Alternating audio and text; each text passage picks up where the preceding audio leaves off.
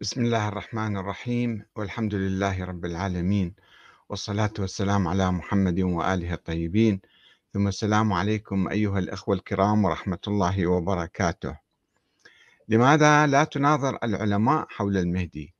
لماذا تضلل العوام في وسائل التواصل الاجتماعي؟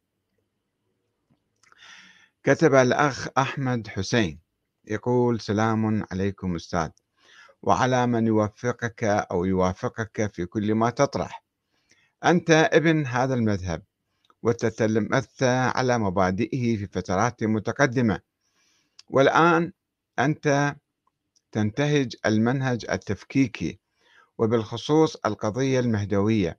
ولك رؤاك يتفق معك ويختلف من يختلف معك. أستاذنا هل طرحك موجه إلى طبقة أواسط المثقفين أو النخب أم عوام الناس؟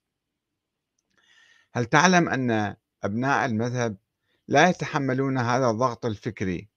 لست وحدك في الساحة فهناك العشرات من لهم منابر ولكنها بالضد من طرحك فهناك منابر مغالية في الطقوس والشعائر وهناك منابر تدعو إلى ترك المراجع والتقليد وهناك عشرات ممن يدعون المهدوية أو اتصالهم بالمهدي. عوام الناس هم الفئة الأكبر في هذا المذهب بنسبة 90% أو أكثر من هذه النسبة. هل تعلم أن هذا المنبر أو هذه المنابر قد تزعزع قناعات الناس ليس في المذهب أو التقليد بل قد يصل إلى الدين؟ ارحموا بسطاء الناس. مع جل احترامي لشخصك الكريم أنا لا أشك في نواياك ولكن هناك رؤى أخرى من منهجية علم الاجتماع وكيف يتفاعل العوام أو النخب والنخب بالتجديد أو النقد أو النقد مع جل احترامي لشخصك. وأنا أيضا أشكرك يا أخ أحمد حسين آه، على آه، مقترحك هذا ولكن أقول في الحقيقة كثرت الدعوات حتى في التعليق على هذه المداخلة.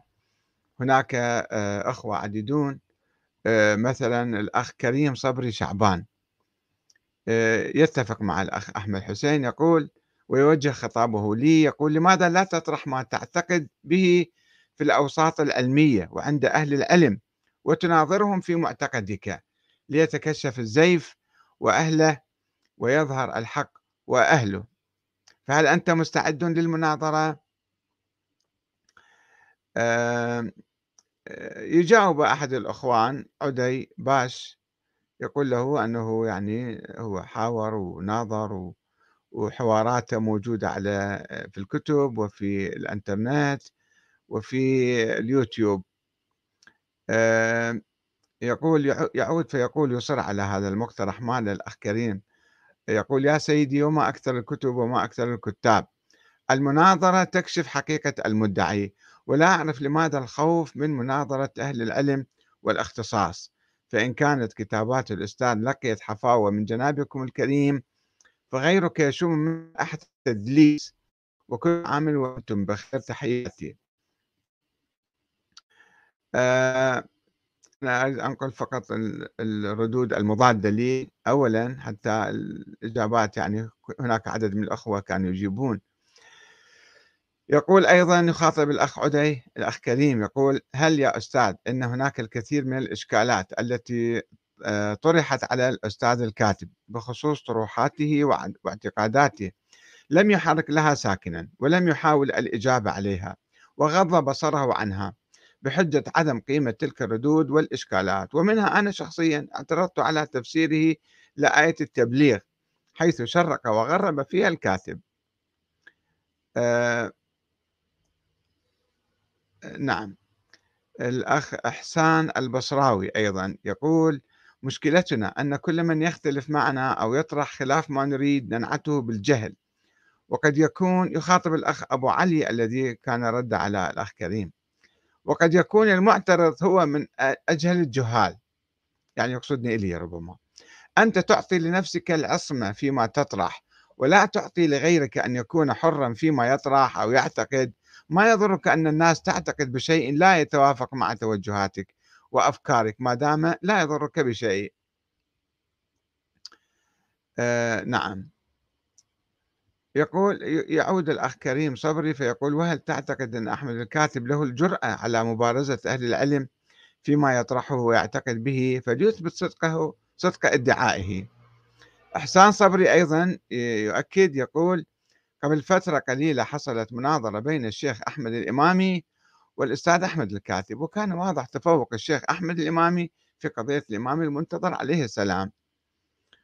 آه، وأيضا آخر شيء يعني ردود كثيرة ونقاشات بين الأخوة. آه، يعني أنا دا أنقل فقط الجانب السلبي ضدي ما دا أنقل الإيجابيات أو الردود أو الدفاعات. آه، يقول المهم بالنسبة للحوار والمناظرة في الحقيقة كما تعرفون أنا كتبت بحثي عن الإمام المهدي بالصدفة وقعت في هذا البحث. وكنت أستاذا في حوزة القائم في طهران في ماما زند. وكنت أبحث في موضوع ولاية الفقيه في البداية بناء على آه، طرح الإمام الخميني سنة 1988 لنظرية الولاية المطلقة التي قال إنها فوق الدستور وفوق الشعب. وإذا آه، اتفق الحاكم أو وقع اتفاقية شرعية مع الأمة فله الحق أن يلغيها من طرف واحد. إذا رأى بعد ذلك أنها مخالفة للإسلام أو مخالفة لمصلحة البلاد.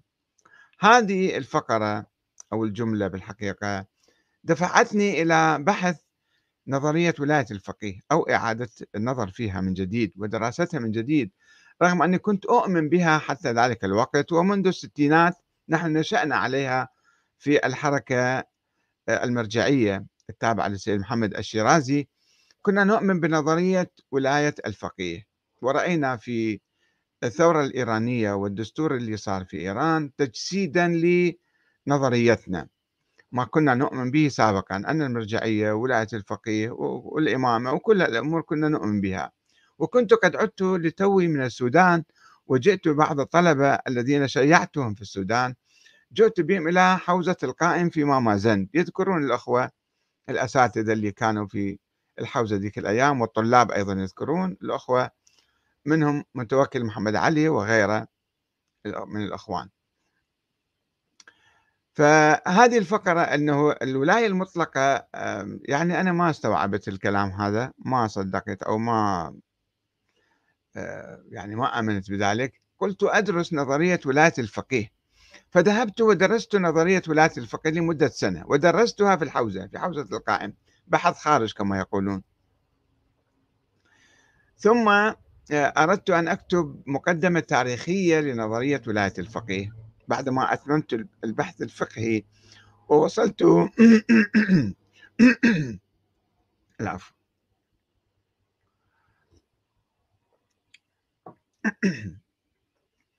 ووصلت إلى مفترق طرق. أنه ال ال الإمام الخميني على حق وولاية الفقيه مطلقة. إذا كان إذا كانت تستند على شرعية غيبية أن شرعية المرجع أو الولي الفقيه تأتي من الإمام المهدي ومن الله بالتالي فإذا هو يحق له أن يلغي الدستور ويتجاوز كل شيء إذا رأى أن ذلك لمصلحة. وأما إذا كانت شرعية الولي الفقيه أو المرجع كما كانت في الدستور في ذيك الأيام وحتى الآن قائمة على آه، انتخاب الناس والعقد الاجتماعي الذي تم بناء على الدستور. وافق عليه الشعب ووافق عليه الإمام.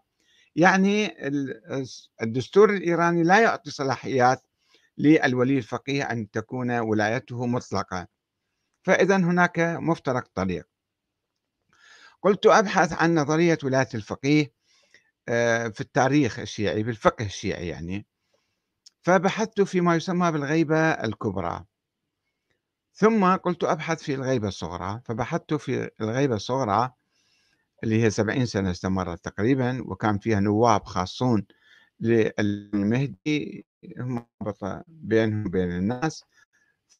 في تلك الأثناء وأثناء قراءتي لكتاب الغيبة للشيخ الطوسي وجدت كلاما يقال حول وجود الإمام الثاني عشر المهدي الغائب. ف آه، فاجأني ذلك. لم أكن قد قرأت من قبل أو سمعت بذلك في الثقافة الشيعية. فقرأت كل ما كتب حول الموضوع من آه، علماء تلك المرحلة في القرن الرابع والخامس والثالث حتى أنه ما هي الحقيقة فوجدت أنهم يقولون لا دليل لدينا على وجود الإمام الثاني عشر. لا دليل تاريخيا قطعيا يثبت ذلك إنما نثبته بالدرجة الأولى وبالدليل الأقوى عن طريق الكلام وعن طريق النظر والاعتبار والفلسفة. فقلت أن هذا لا يصح هذا المنهج لا يصح أساسا إنما المنهج التاريخي يجب أن يقوم ونتأكد من عنده. فبحثت الموضوع وقالوا إذا إذا أنت ما تؤمن بوجود الإمام الثاني عشر إذا يجب أن تشكك في نظرية الإمامة. وأنا كنت مقتنع بها من صغري يعني. وكنت قد ذهبت إلى السودان ونشرت التشيع هناك تشيع الإمامي الاثني عشري. آه، فقلت يجب أن أبحث وأعيد النظر في نظرية الإمامة. بحثت وأعدت النظر فوجدت أن هذه النظرية مفتعلة ومنسوبة لأهل البيت سرا. وليس علنا كانوا ينفون النظرية المهم هذا ما حصل آه، معي في سنة 1989 و 1990 وكنت في طهران في تلك الأيام. فطبعا آه، كانت نتائج صادمة لي جدا آه، ولم أكن أستطيع أن أبوح بها علنا في تلك الأجواء. فقلت فذهبت إلى بعض الأساتذة. وبعض المراجع أيضا. سيد الشيرازي سيد المدرسي آه، أخوة آخرين من يعني زملائي في الحوزة. طرحت عليهم الموضوع وطلبت منهم أنه أنا يمكن أكون مشتبه يمكن أكون يعني غلطان. في أدلة أنا ما متوصل إلها أرجوكم أعطوني هذه مسألة عقائدية مهمة خطيرة لا يمكن نتجاوز. يعني بسرعة نطرحها ونروح. فالسيد المدرسي بعد نقاش معه سيد محمد تقي المدرسي أستاذي يعني هو قال يعني لا تستعجل روح ابحث بعد فرد سنة واكتب الموضوع جيب لنا مكتوب حتى نناقشه قلت له كلامك جدا صحيح. وجئت آه، إلى لندن في سنة 91 وبقيت سنتين تقريبا مو سنة واحدة أنا أواصل البحث مزيدا من المطالعات والقراءات. والنقاشات أيضا. فكتبت الكتاب تقريبا المسودة الأولى في سنة 92 وأرسلتها إلى 400 500 عالم ومثقف شيعي اللي أعرفهم. أرسلت إلى عناوينهم في العراق وفي إيران وفي الخليج وفي لبنان وهنا وهناك أن هذه آه، خلاصة آه، ما توصلت إليه وأرجو أن تطلعوا على كتابي وأنا مستعد أحرق الكتاب إذا أنتم يعني آه، رددت علي بردود مقنعة. وإذا لم أقتنع بردودكم فسوف أضع ردودكم في مقدمة الكتاب قبل ما أطبعه وأرسلت إلى قوم في ديسكات آه، في ظليت تقريبا آه، خمس سنوات أخرى أنا يعني أناقش أي واحد أشوفه وأسافر ألتقي به في الحج مثلا وأطلب الأدلة والبراهين على صحة ولادة محمد بن الحسن العسكري ووجوده. سبع سنوات تقريبا استغرق الحوار ولم يجبني أحد. البعض كان يتهرب من عندي يتهرب من لقائي أصلا والبعض كان يعني يشكك البعض كان آه يعني يهرب من هذا. ف آه الحوارات أنا قبل ما أنشر الكتاب نشرت كتابي سنة 1997 أول طبعا في لندن. وكنت مستعد بعد ما يعني آه، بذلت أقصى جهدي في البحث والتحقيق والحوار والنقاش. وحتى أحد فضلاء صديقي آه، إيراني هو من أصفهان. كان زاير لندن يسوي عملية أو شيء عنده مريض فأخذته للبيت وحدثته عن آه، الكتاب. فاستمع إلي تماما وقال لي آه، آه، قال لي يعني أنت آخر شيء سكت ما علق تعليق صغير أو قصير. قال هذه سفرة ممدودة سفرة صاحب الزمان وإحنا بالحوزة قاعد ناكل عليها ناكل خمس يعني. فأنت شنو تريد تلم هاي السفرة؟ بعد إحنا شو نسوي؟ وشلون ناكل؟ من وين نعيش؟ هذا كان جوابه. جواب صريح جدا ولا أدري هو اقتنع بكلامي فورا أو كانت عنده شكوك وأنا آه، تحدثت معه بهذه الصورة. المهم آه، بعد ذلك جرت نقاشات في آه، المواقع التواصل الاجتماعي. ذيك الأيام كان في موقع اسمه هجر. على الإنترنت موقع حواري. و يعني استمرنا في الحوار. دخل عدد من المشايخ وهم متسترون يعني ما يكشفون عن اسمهم أو أسماء رمزية ويتحاورون. إلى أن في سنة 2002 2002 كانت هناك قناة اسمها المستقلة. لا أدري إذا كانت موجودة حتى الآن أو لا. هذا آه، دعاني للحوار. قال نجيب أحد العلماء أو بعض العلماء الشيعة يتحاورون معك على التلفزيون مباشرة. عندك مانع؟ قلت له لا ما عندي مانع.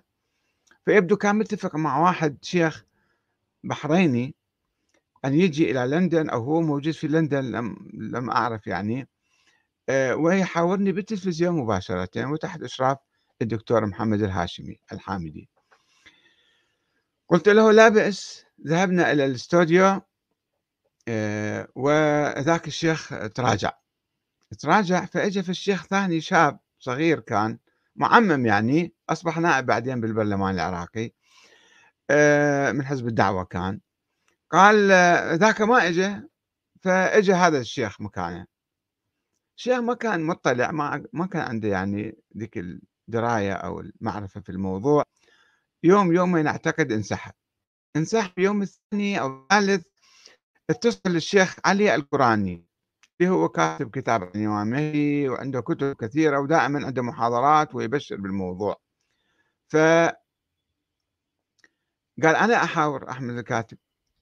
بدأ يعني يناقش وهو من قم. فمدير القناة قال له يا شيخ لماذا أنت من قم تتكلم بالتليفون؟ تعال إلى الاستوديو وناقش أحمد الكاتب.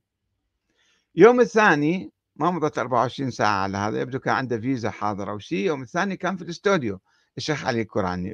ممكن بإمكانكم تشوفوا الحوار على قناة المستقلة قبل 20 سنة تقريبا صار الآن. فاجى الشيخ علي الكوراني. تفضل يا شيخ علي الكوراني. ما هو ردك عليه؟ طبعا شيخ علي الكوراني أول واحد تقريبا عندما أرسلت الرسائل أول واحد أجابني وقال إيه نعم أنا مستعد أعطيني كتابك وخلي ناقشه وخلي نشوفه. وأيضا الكلبيقاني أيضا طلب الكتاب صهر القلبيقاني اللي توفى قبل سنة تقريبا عبر الشيخ العالمي اللي هو ممثل كلبيقاني هنا في لندن. أخذ الكتاب ولكن لم يرد سنة 93 يعني. لم يرد حتى تسع سنوات 2002 اجى حد يناقش. تفضل شيخنا تكلم شنو عندك دليل على إثبات وجود الإمام الثاني عشر؟ قال لا نبدأ من الكلام حول الله تعالى. وجود الله والنبي والإمام. قلت له يعني هذا أشياء مفروغ منها يعني إحنا ما عندنا نقاش فيها. نتناقش إنه الثاني عشر ولد أم لم يولد. ليش تودينا طول الوقت القناة؟ ما يسمح أيضا يعني آه، حوار مفتوح لمدة سنوات يعني في هذه المواضيع. اتكلم أنا اؤمن بكل شيء اذا وصلنا الحسن العسكري. قل لي شلون ولد أم لم يولد؟ أبوه قال ما عندي ولد. أنت شلون تقول عنده ولد؟ رغما عن أبيه يعني المفترض. فظل يجيب فاكسات يقرأ ويجيب كذا وأسئلة منا وأسئلة شخصية وحوارات ولم يتكلم. مضى أسبوع أو أكثر عشرة أيام وهو لم يتكلم أي شيء. أقول لي يا شيخ تفضل تكلم. إلى قبل يوم قبل يوم يومين من نهاية البرنامج اللي كان مدة أسبوعين تقريبا مخصص له قلت له يا شيخ علي كوراني أنا الآن ما راح أتكلم اليوم راح أعطيك كل الوقت لك أنت تتكلم اثبت للناس الناس دي يسألون وكان الناس منشدين إذا تتذكرون ذيك الأيام منشدين لهذه القناة ولهذا الحوار. في بلد في العراق وسوريا ولبنان وكل منطقة يعني في السعودية والخليج. قلت له يا شيخ اليوم أنا إذا أقول لك الإمام الثاني عشر ما مولود ولا موجود أنت عندك أدلة على ولادته ووجوده تفضل بين الناس هذا القناة مفتوحة أمامك. رفض رفض أنه آه، يتكلم. في اليوم الأخير اجى قال أنت البارحة عرضت علي أن تعطيني وقتك كله إلي. فاليوم أنا أريد أتكلم. وأنت ما تتكلم بعد. قلت له لا أنا البارحة أعطيتك وقتي كله اليوم ما أعطيك الوقت كله أعطيك نص الوقت لأنه أريد أرد عليك. أنت تتكلم وأنا أعلق على كلامك. قال إذا ما أتكلم. طيب تكلم بين رأيك ما يقبل يبين رأيه. فالمشكلة أنه يعني الحوارات آه، وانتهى الحوار. بإمكانكم آه، تراجعون هذا الحوار في قناة المستقلة. اكتبوا أحمد الكاتب شيخ علي القراني قناة المستقلة. في, في اليوتيوب تطلع لكم هاي الحوارات موجودة على أي حال. فهذا الحوار مع واحد بارز ومؤلف وكاتب عن المهدي بهذه الصورة يتحاور. طبعا جرت حوارات كتبية أيضا مع السيد سامي البدري في سنة 95 عندما نشرت نشرة الشورى وهو كتب شبهات شبهات وما أدري ردود. آه، وأيضا موجودة عندي في هذا الكتاب. يعني في الحقيقة خلال هال 20 سنة الماضية أو 25 سنة صار آه، جرت آه، محاورات كتابية يعني ردود كتب كتبت ردا على كتابي وأنا رددت عليها وطبعت طبعتين طبعت دار الانتشار العربي في لبنان وأيضا الدار العربية للعلوم قبل ذلك آه، طبعت جزء من هذا الكتاب. في هذا الكتاب طبعا كبار العلماء الشيعة اللي ردوا علي اللي ردوا كتب يعني في تلك الأيام اللي مثل سيد سامي البدري سيد محمد الشيرازي محمد تقي المدرسي الكاتب السيستاني سيد محمد الصدر آه، السيد مرتضى العسكري الشيخ ناصر مكارم الشيرازي لطف الله صافي لطف الله صافي اللي طلب الكتاب وما جاوبنا.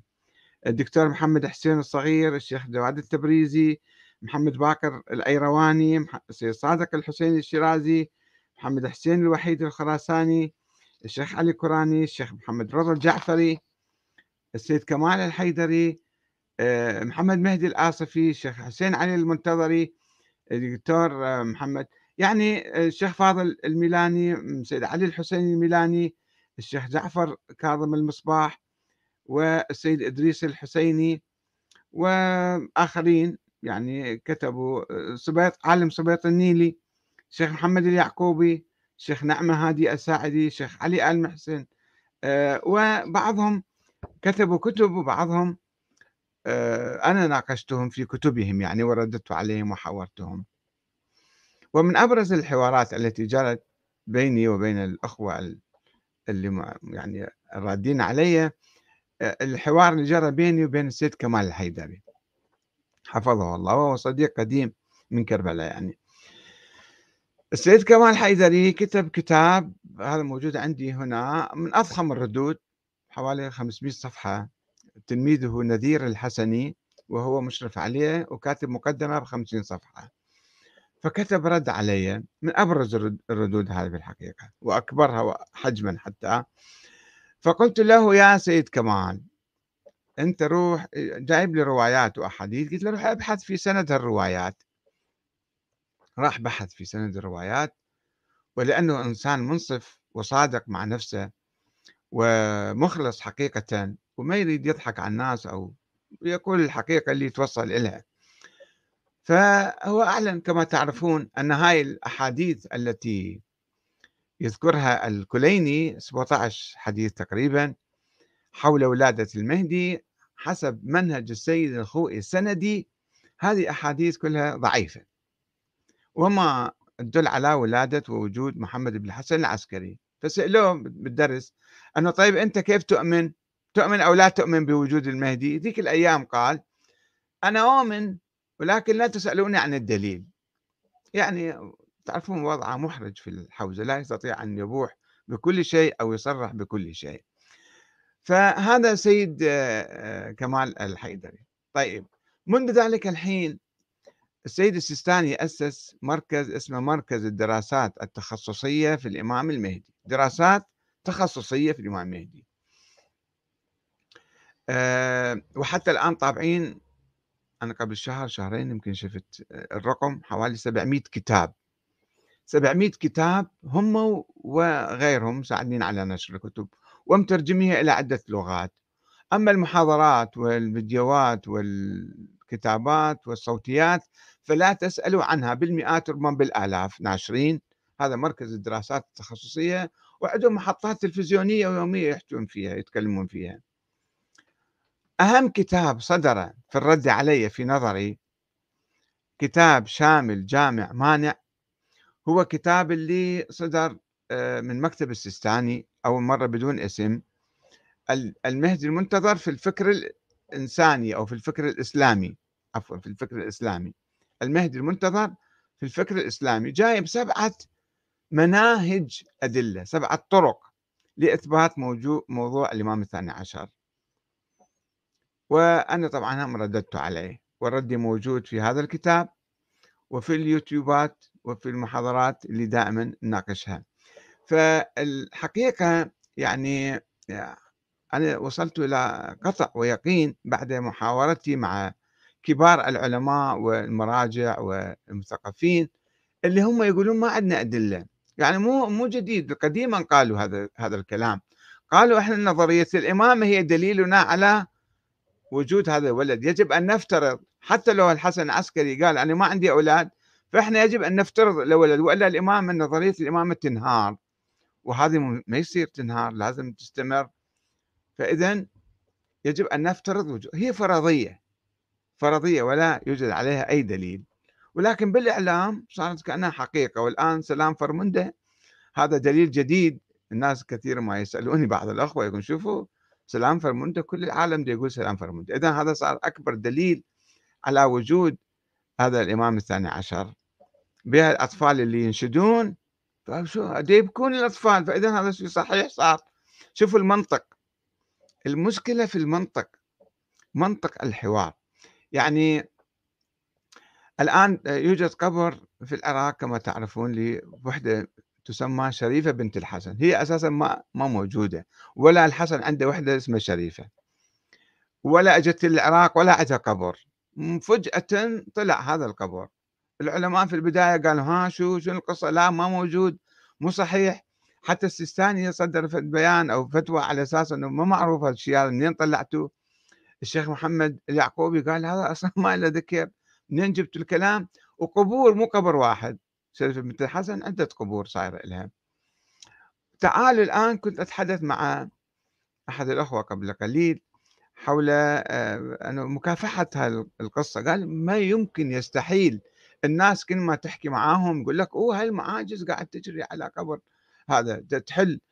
الناس المرضى طيبهم. الناس اللي يريدون ينجحون بالامتحان. هاي قناة الإمام الحسين مال الشيرازية. شوفوا شلون نسوي دعاية لها واحد بالامتحان يجون واحدة طالبة في كلية الطب عارفة الكلية مالتها وجاية تقول يا شريفة بنت حسن نجحيني بالامتحان. زين إذا نجحتك بالامتحان على حساب الآخرين مو ظلم هذا؟ أنت ما درستي ما تعبتي مثلا. شلون تنجحك بالقوة؟ أي أنه هاي تنجح. إذا واحد يتوظف يروح بالجيش بالشرطة بالمخابرات ما أدري وين لازم يجي الشرف بنت الحسن ويسأل حاجته وهي تقضي الحاجات. طلعت كسر الإمام الكاظم والعباس اللي كانوا سابقا الناس يجون ينذروا لهم أو شيء. هاي صارت الآن المعبودة الأولى بالعراق. معبودة أقول لأنه كلها عبادة عبادة من دون الله. الناس يتوجهون إلها مو يتوجهون إلى الله. يمكن بعض الناس يقول نسأل الله مثلا أن يقضي حاجتنا. ولكن عامة الناس اللي يروحون يزورون قبر شريفة بنت الحسن يعبدونها من دون الله. ويشركون بالله تعالى بها بشيء وهمي. وأنتم حاجاتنا قاعد تنقضي مرضانا دي يطيبون هذا المنطق مالهم. شوفوا منطق خرافة أسطورة الشيء لا حقيقة له أصلا. لا قبر موجود ولا شريفة موجودة ولا أحد موجود. صارت حقيقة كبرى حتى المراجع يخافون يتكلمون كلمة ضد هذا القبر ويطلعوا لك بعض المشايخ سيد هذا المدرس وغيره ينظرون لهالقبر هذا ومعاجزه. فأنت مع هذا المنطق منطق المعاجز شلون تقدر تتكلم؟ يطلع لك واحد بالحوار خلص يسكر عليك تماما. أو مثلا آه، بعض الأخوة يقولون فلان فلان ناظروك أو جادلوك أو ناقشوك. يعني إذا تتناظر في واحد جاهل أو أمي أو غير مجتهد خلينا نقول لا نقول جاهل وأمي واحد مو مجتهد في علم الرجال وما يعرف شنو الصحيح من غير الصحيح وما يعرف المتواتر من خبر الآحاد. يقول لك هاي الروايات صحيحة. صحيحة بيا منطق بيا زمن. متى صارت الأحاديث؟ ليش في الزمن الأول بعد وفاة الحسن العسكري وقع الشيعة في حيرة وتفرقوا؟ ما كانوا يعرفون هالأحاديث. فإذا هاي الأحاديث سووها بعدين. أنت تقول صحيحة لأنه تعتمد على نفسك تعتمد على مشايخ طائفتك اللي إجوا في القرن الرابع والخامس وأسسوا هذا المذهب وقالوا هالروايات صحيحة. فإذا أنت قاعد تقلدهم. واحد مقلد أو مهرج إذا مقلد يمكن ودي يقلد الآخرين يقولوا لك روايات صحيحة.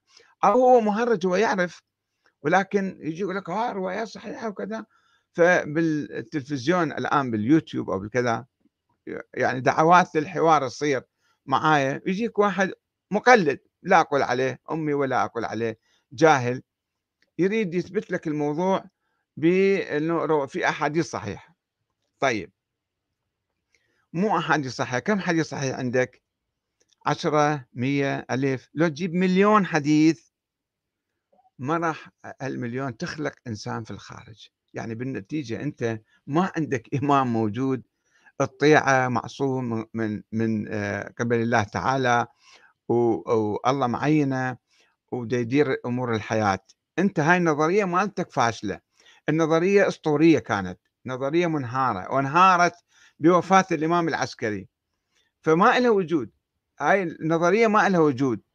والشيعة الآن تركوا هاي النظرية لا يشترطون العصمة والنص والسلالة في الأئمة والحكام. رئيس الجمهورية ينتخبوه من أنفسهم ويكون سني يكون كردي يكون مسيحي ما تنتخبوه ما عندهم مانع. فالآن الشيعة هم أبعد الناس عن نظرية الإمامة واقعهم. عندهم أنظمة جمهورية ديمقراطية دستورية دي يسووها وعايشين في ظلها. ولكن دول بعض الناس اللي هم عايشين في التاريخ يقول لك لا نظرية الامامه ومسوين نفسنا شيعة وسنة على أشياء وهمية أسطورية ما لها حقيقة وما لها وجود بس نتعارك على الخرافات والأساطير. ف آه، يقول لك تعال نتحاور. إيش تتحاور؟ إيش راح تسوي؟ شنو النتيجة مالتك؟ ما يحتاج تتحاور معي اثبت هذا الإمام خليه يطلع ويقود الناس. خلص بعد ما يحتاج أحد يعني يتحاور معاه أو أو ترد على واحد آخر. فهالردود 700 كتاب وملايين من الفلوس مرجعيه السيستاني وغيرها الشيرازية عندهم محطات فضائية وغيرهم وغيرهم. الشيخ ناصر مكارم الشيرازي داخل بالمعركة الآن وده يصرف فلوس وغير الإنترنت ومواقع التواصل الاجتماعي وكذا. المهم يعني ناس عايشين على هالأساطير هالمرجعيات والشيوخ والمراجع. عايشين على هالخرافات والأساطير. إذا يقولوا لك هذه الاشياء مو صحيحة وما موجود الإمام المهدي شلون يعيشون؟ بعد مثل ذاك صاحبنا القمي الإصفهاني اللي يقول أنت قاعد تلم سفره صاحب الزمان. بعد إحنا شلون ناكل؟ على شنو؟ شلون نعيش؟ فهذا هو السر في الدفاع المستميت. مئات الكتب وآلاف المحاضرات والتلفزيونات قاعد تضخ يوميا. وأنتم شوفوا يعني سلمان مهدي في القضية صارت صار عمر 1200 سنة. لكن هذا قبر الجديد طالع. تقدرون تناقشون الناس وتردون عليهم يا ترى هذا كذب هذا ما موجود القبر لا يوجد فيه شيء وهذا شرك بالله تعالى. خب هذا واضح بعد شرك بالله تعالى. وكفر هذا أن واحد يطلب من وهم أو قبر ميت حتى لو كانت فعلا موجودة ومدفونة وكذا. هي شنو؟ تسمعك؟ تحييه شلون تجاوبك؟ شلون تحل مشاكلك؟ هالعقلية عقلية الشرك بالله تعالى. المشايخ والعلماء والمصلحون لا يستطيعون أن يقاوموا بالمنطق الإسلامي القرآني آه، هالخرافات والأساطير المتفشية. وفي طبقة من المشايخ مستفيدة من هالنذورات ومن هالأساطير. ف... فأي حوار يا أخي العزيز أحمد حسين. أي أي مناظرة تريدني أن أتناظر وياك؟ يعني ثم ماذا؟ تثبت لي فالنظرية وهمية تجيب لي أدلة عليها. مليون دليل ما يفيد المهم إحنا لا نعيش بهالخرافات والأساطير. إحنا عندنا واقع موجود. عندنا تحقيق العدل. عندنا تطبيق الدين. عندنا آه، يعني المساواة بين الناس. آه، الاستقلال تحقيق الاستقلال في بلادنا. البناء بناء الاقتصاد مالنا. حل مشكلة التصحر حل مشكلة الجو الساخن مالنا اللي فوق ال 50 درجة حرارية. يعني خلي إحنا نتوجه إلى بناء البلد مالنا وبلادنا عموما وحل مشاكلنا بصورة علمية بصورة عقلية مو بصورة أسطورية. نظل نناقش بهالقضايا إلى متى؟ نظامنا السياسي صار عندنا سنة تقريبا في أزمة. أزمة دستورية. ليش ما تجي شريف بنت الحسن تحل هالأزمة هذه؟ ليش ما يجي الإمام مهدي إيه، هذول كلهم أتباعه وجماعته ليش ما ينصحهم أن يتوحدون ويتفقون على نظام واحد وعلى موقف سياسي واحد مثلا؟ شوفوا كله يعني إحنا منفصلين عندنا انفصال وانفصام. يعني واقعنا شيء مزري مشاكلنا مزرية. شوفوا الناس اللي يجون على آه هذا قبر آه سرجة بنت الحسن شنو مشاكلهم شوفوا الناس قد في حالة من البؤس والفقر والجهل والتخلف وال... وهذا وإحنا قاعدين نتناقش إنه الإمام المهدي مثلا موجود أو ما موجود ونحاول نثبت وجوده وتعالوا نتناظر وياك. تعال نتناظر وياك. تتناظر وياي؟ خلي نفكر في توحيد مجتمعنا. نشر المحبة والأخوة والسلام بين المسلمين بدل الطائفية والتكفير والسب والشتم واللعن. خلي نفكر في بناء بلدنا خلي نفكر بتقدم نحقق استقلال بلدنا من المحتلين والمستعمرين. تاركين كل شيء. تعالوا إحنا نشبث بهالأشياء اللي الأشياء العقيمة التي لا تنتج أي شيء. والسلام عليكم ورحمة الله وبركاته.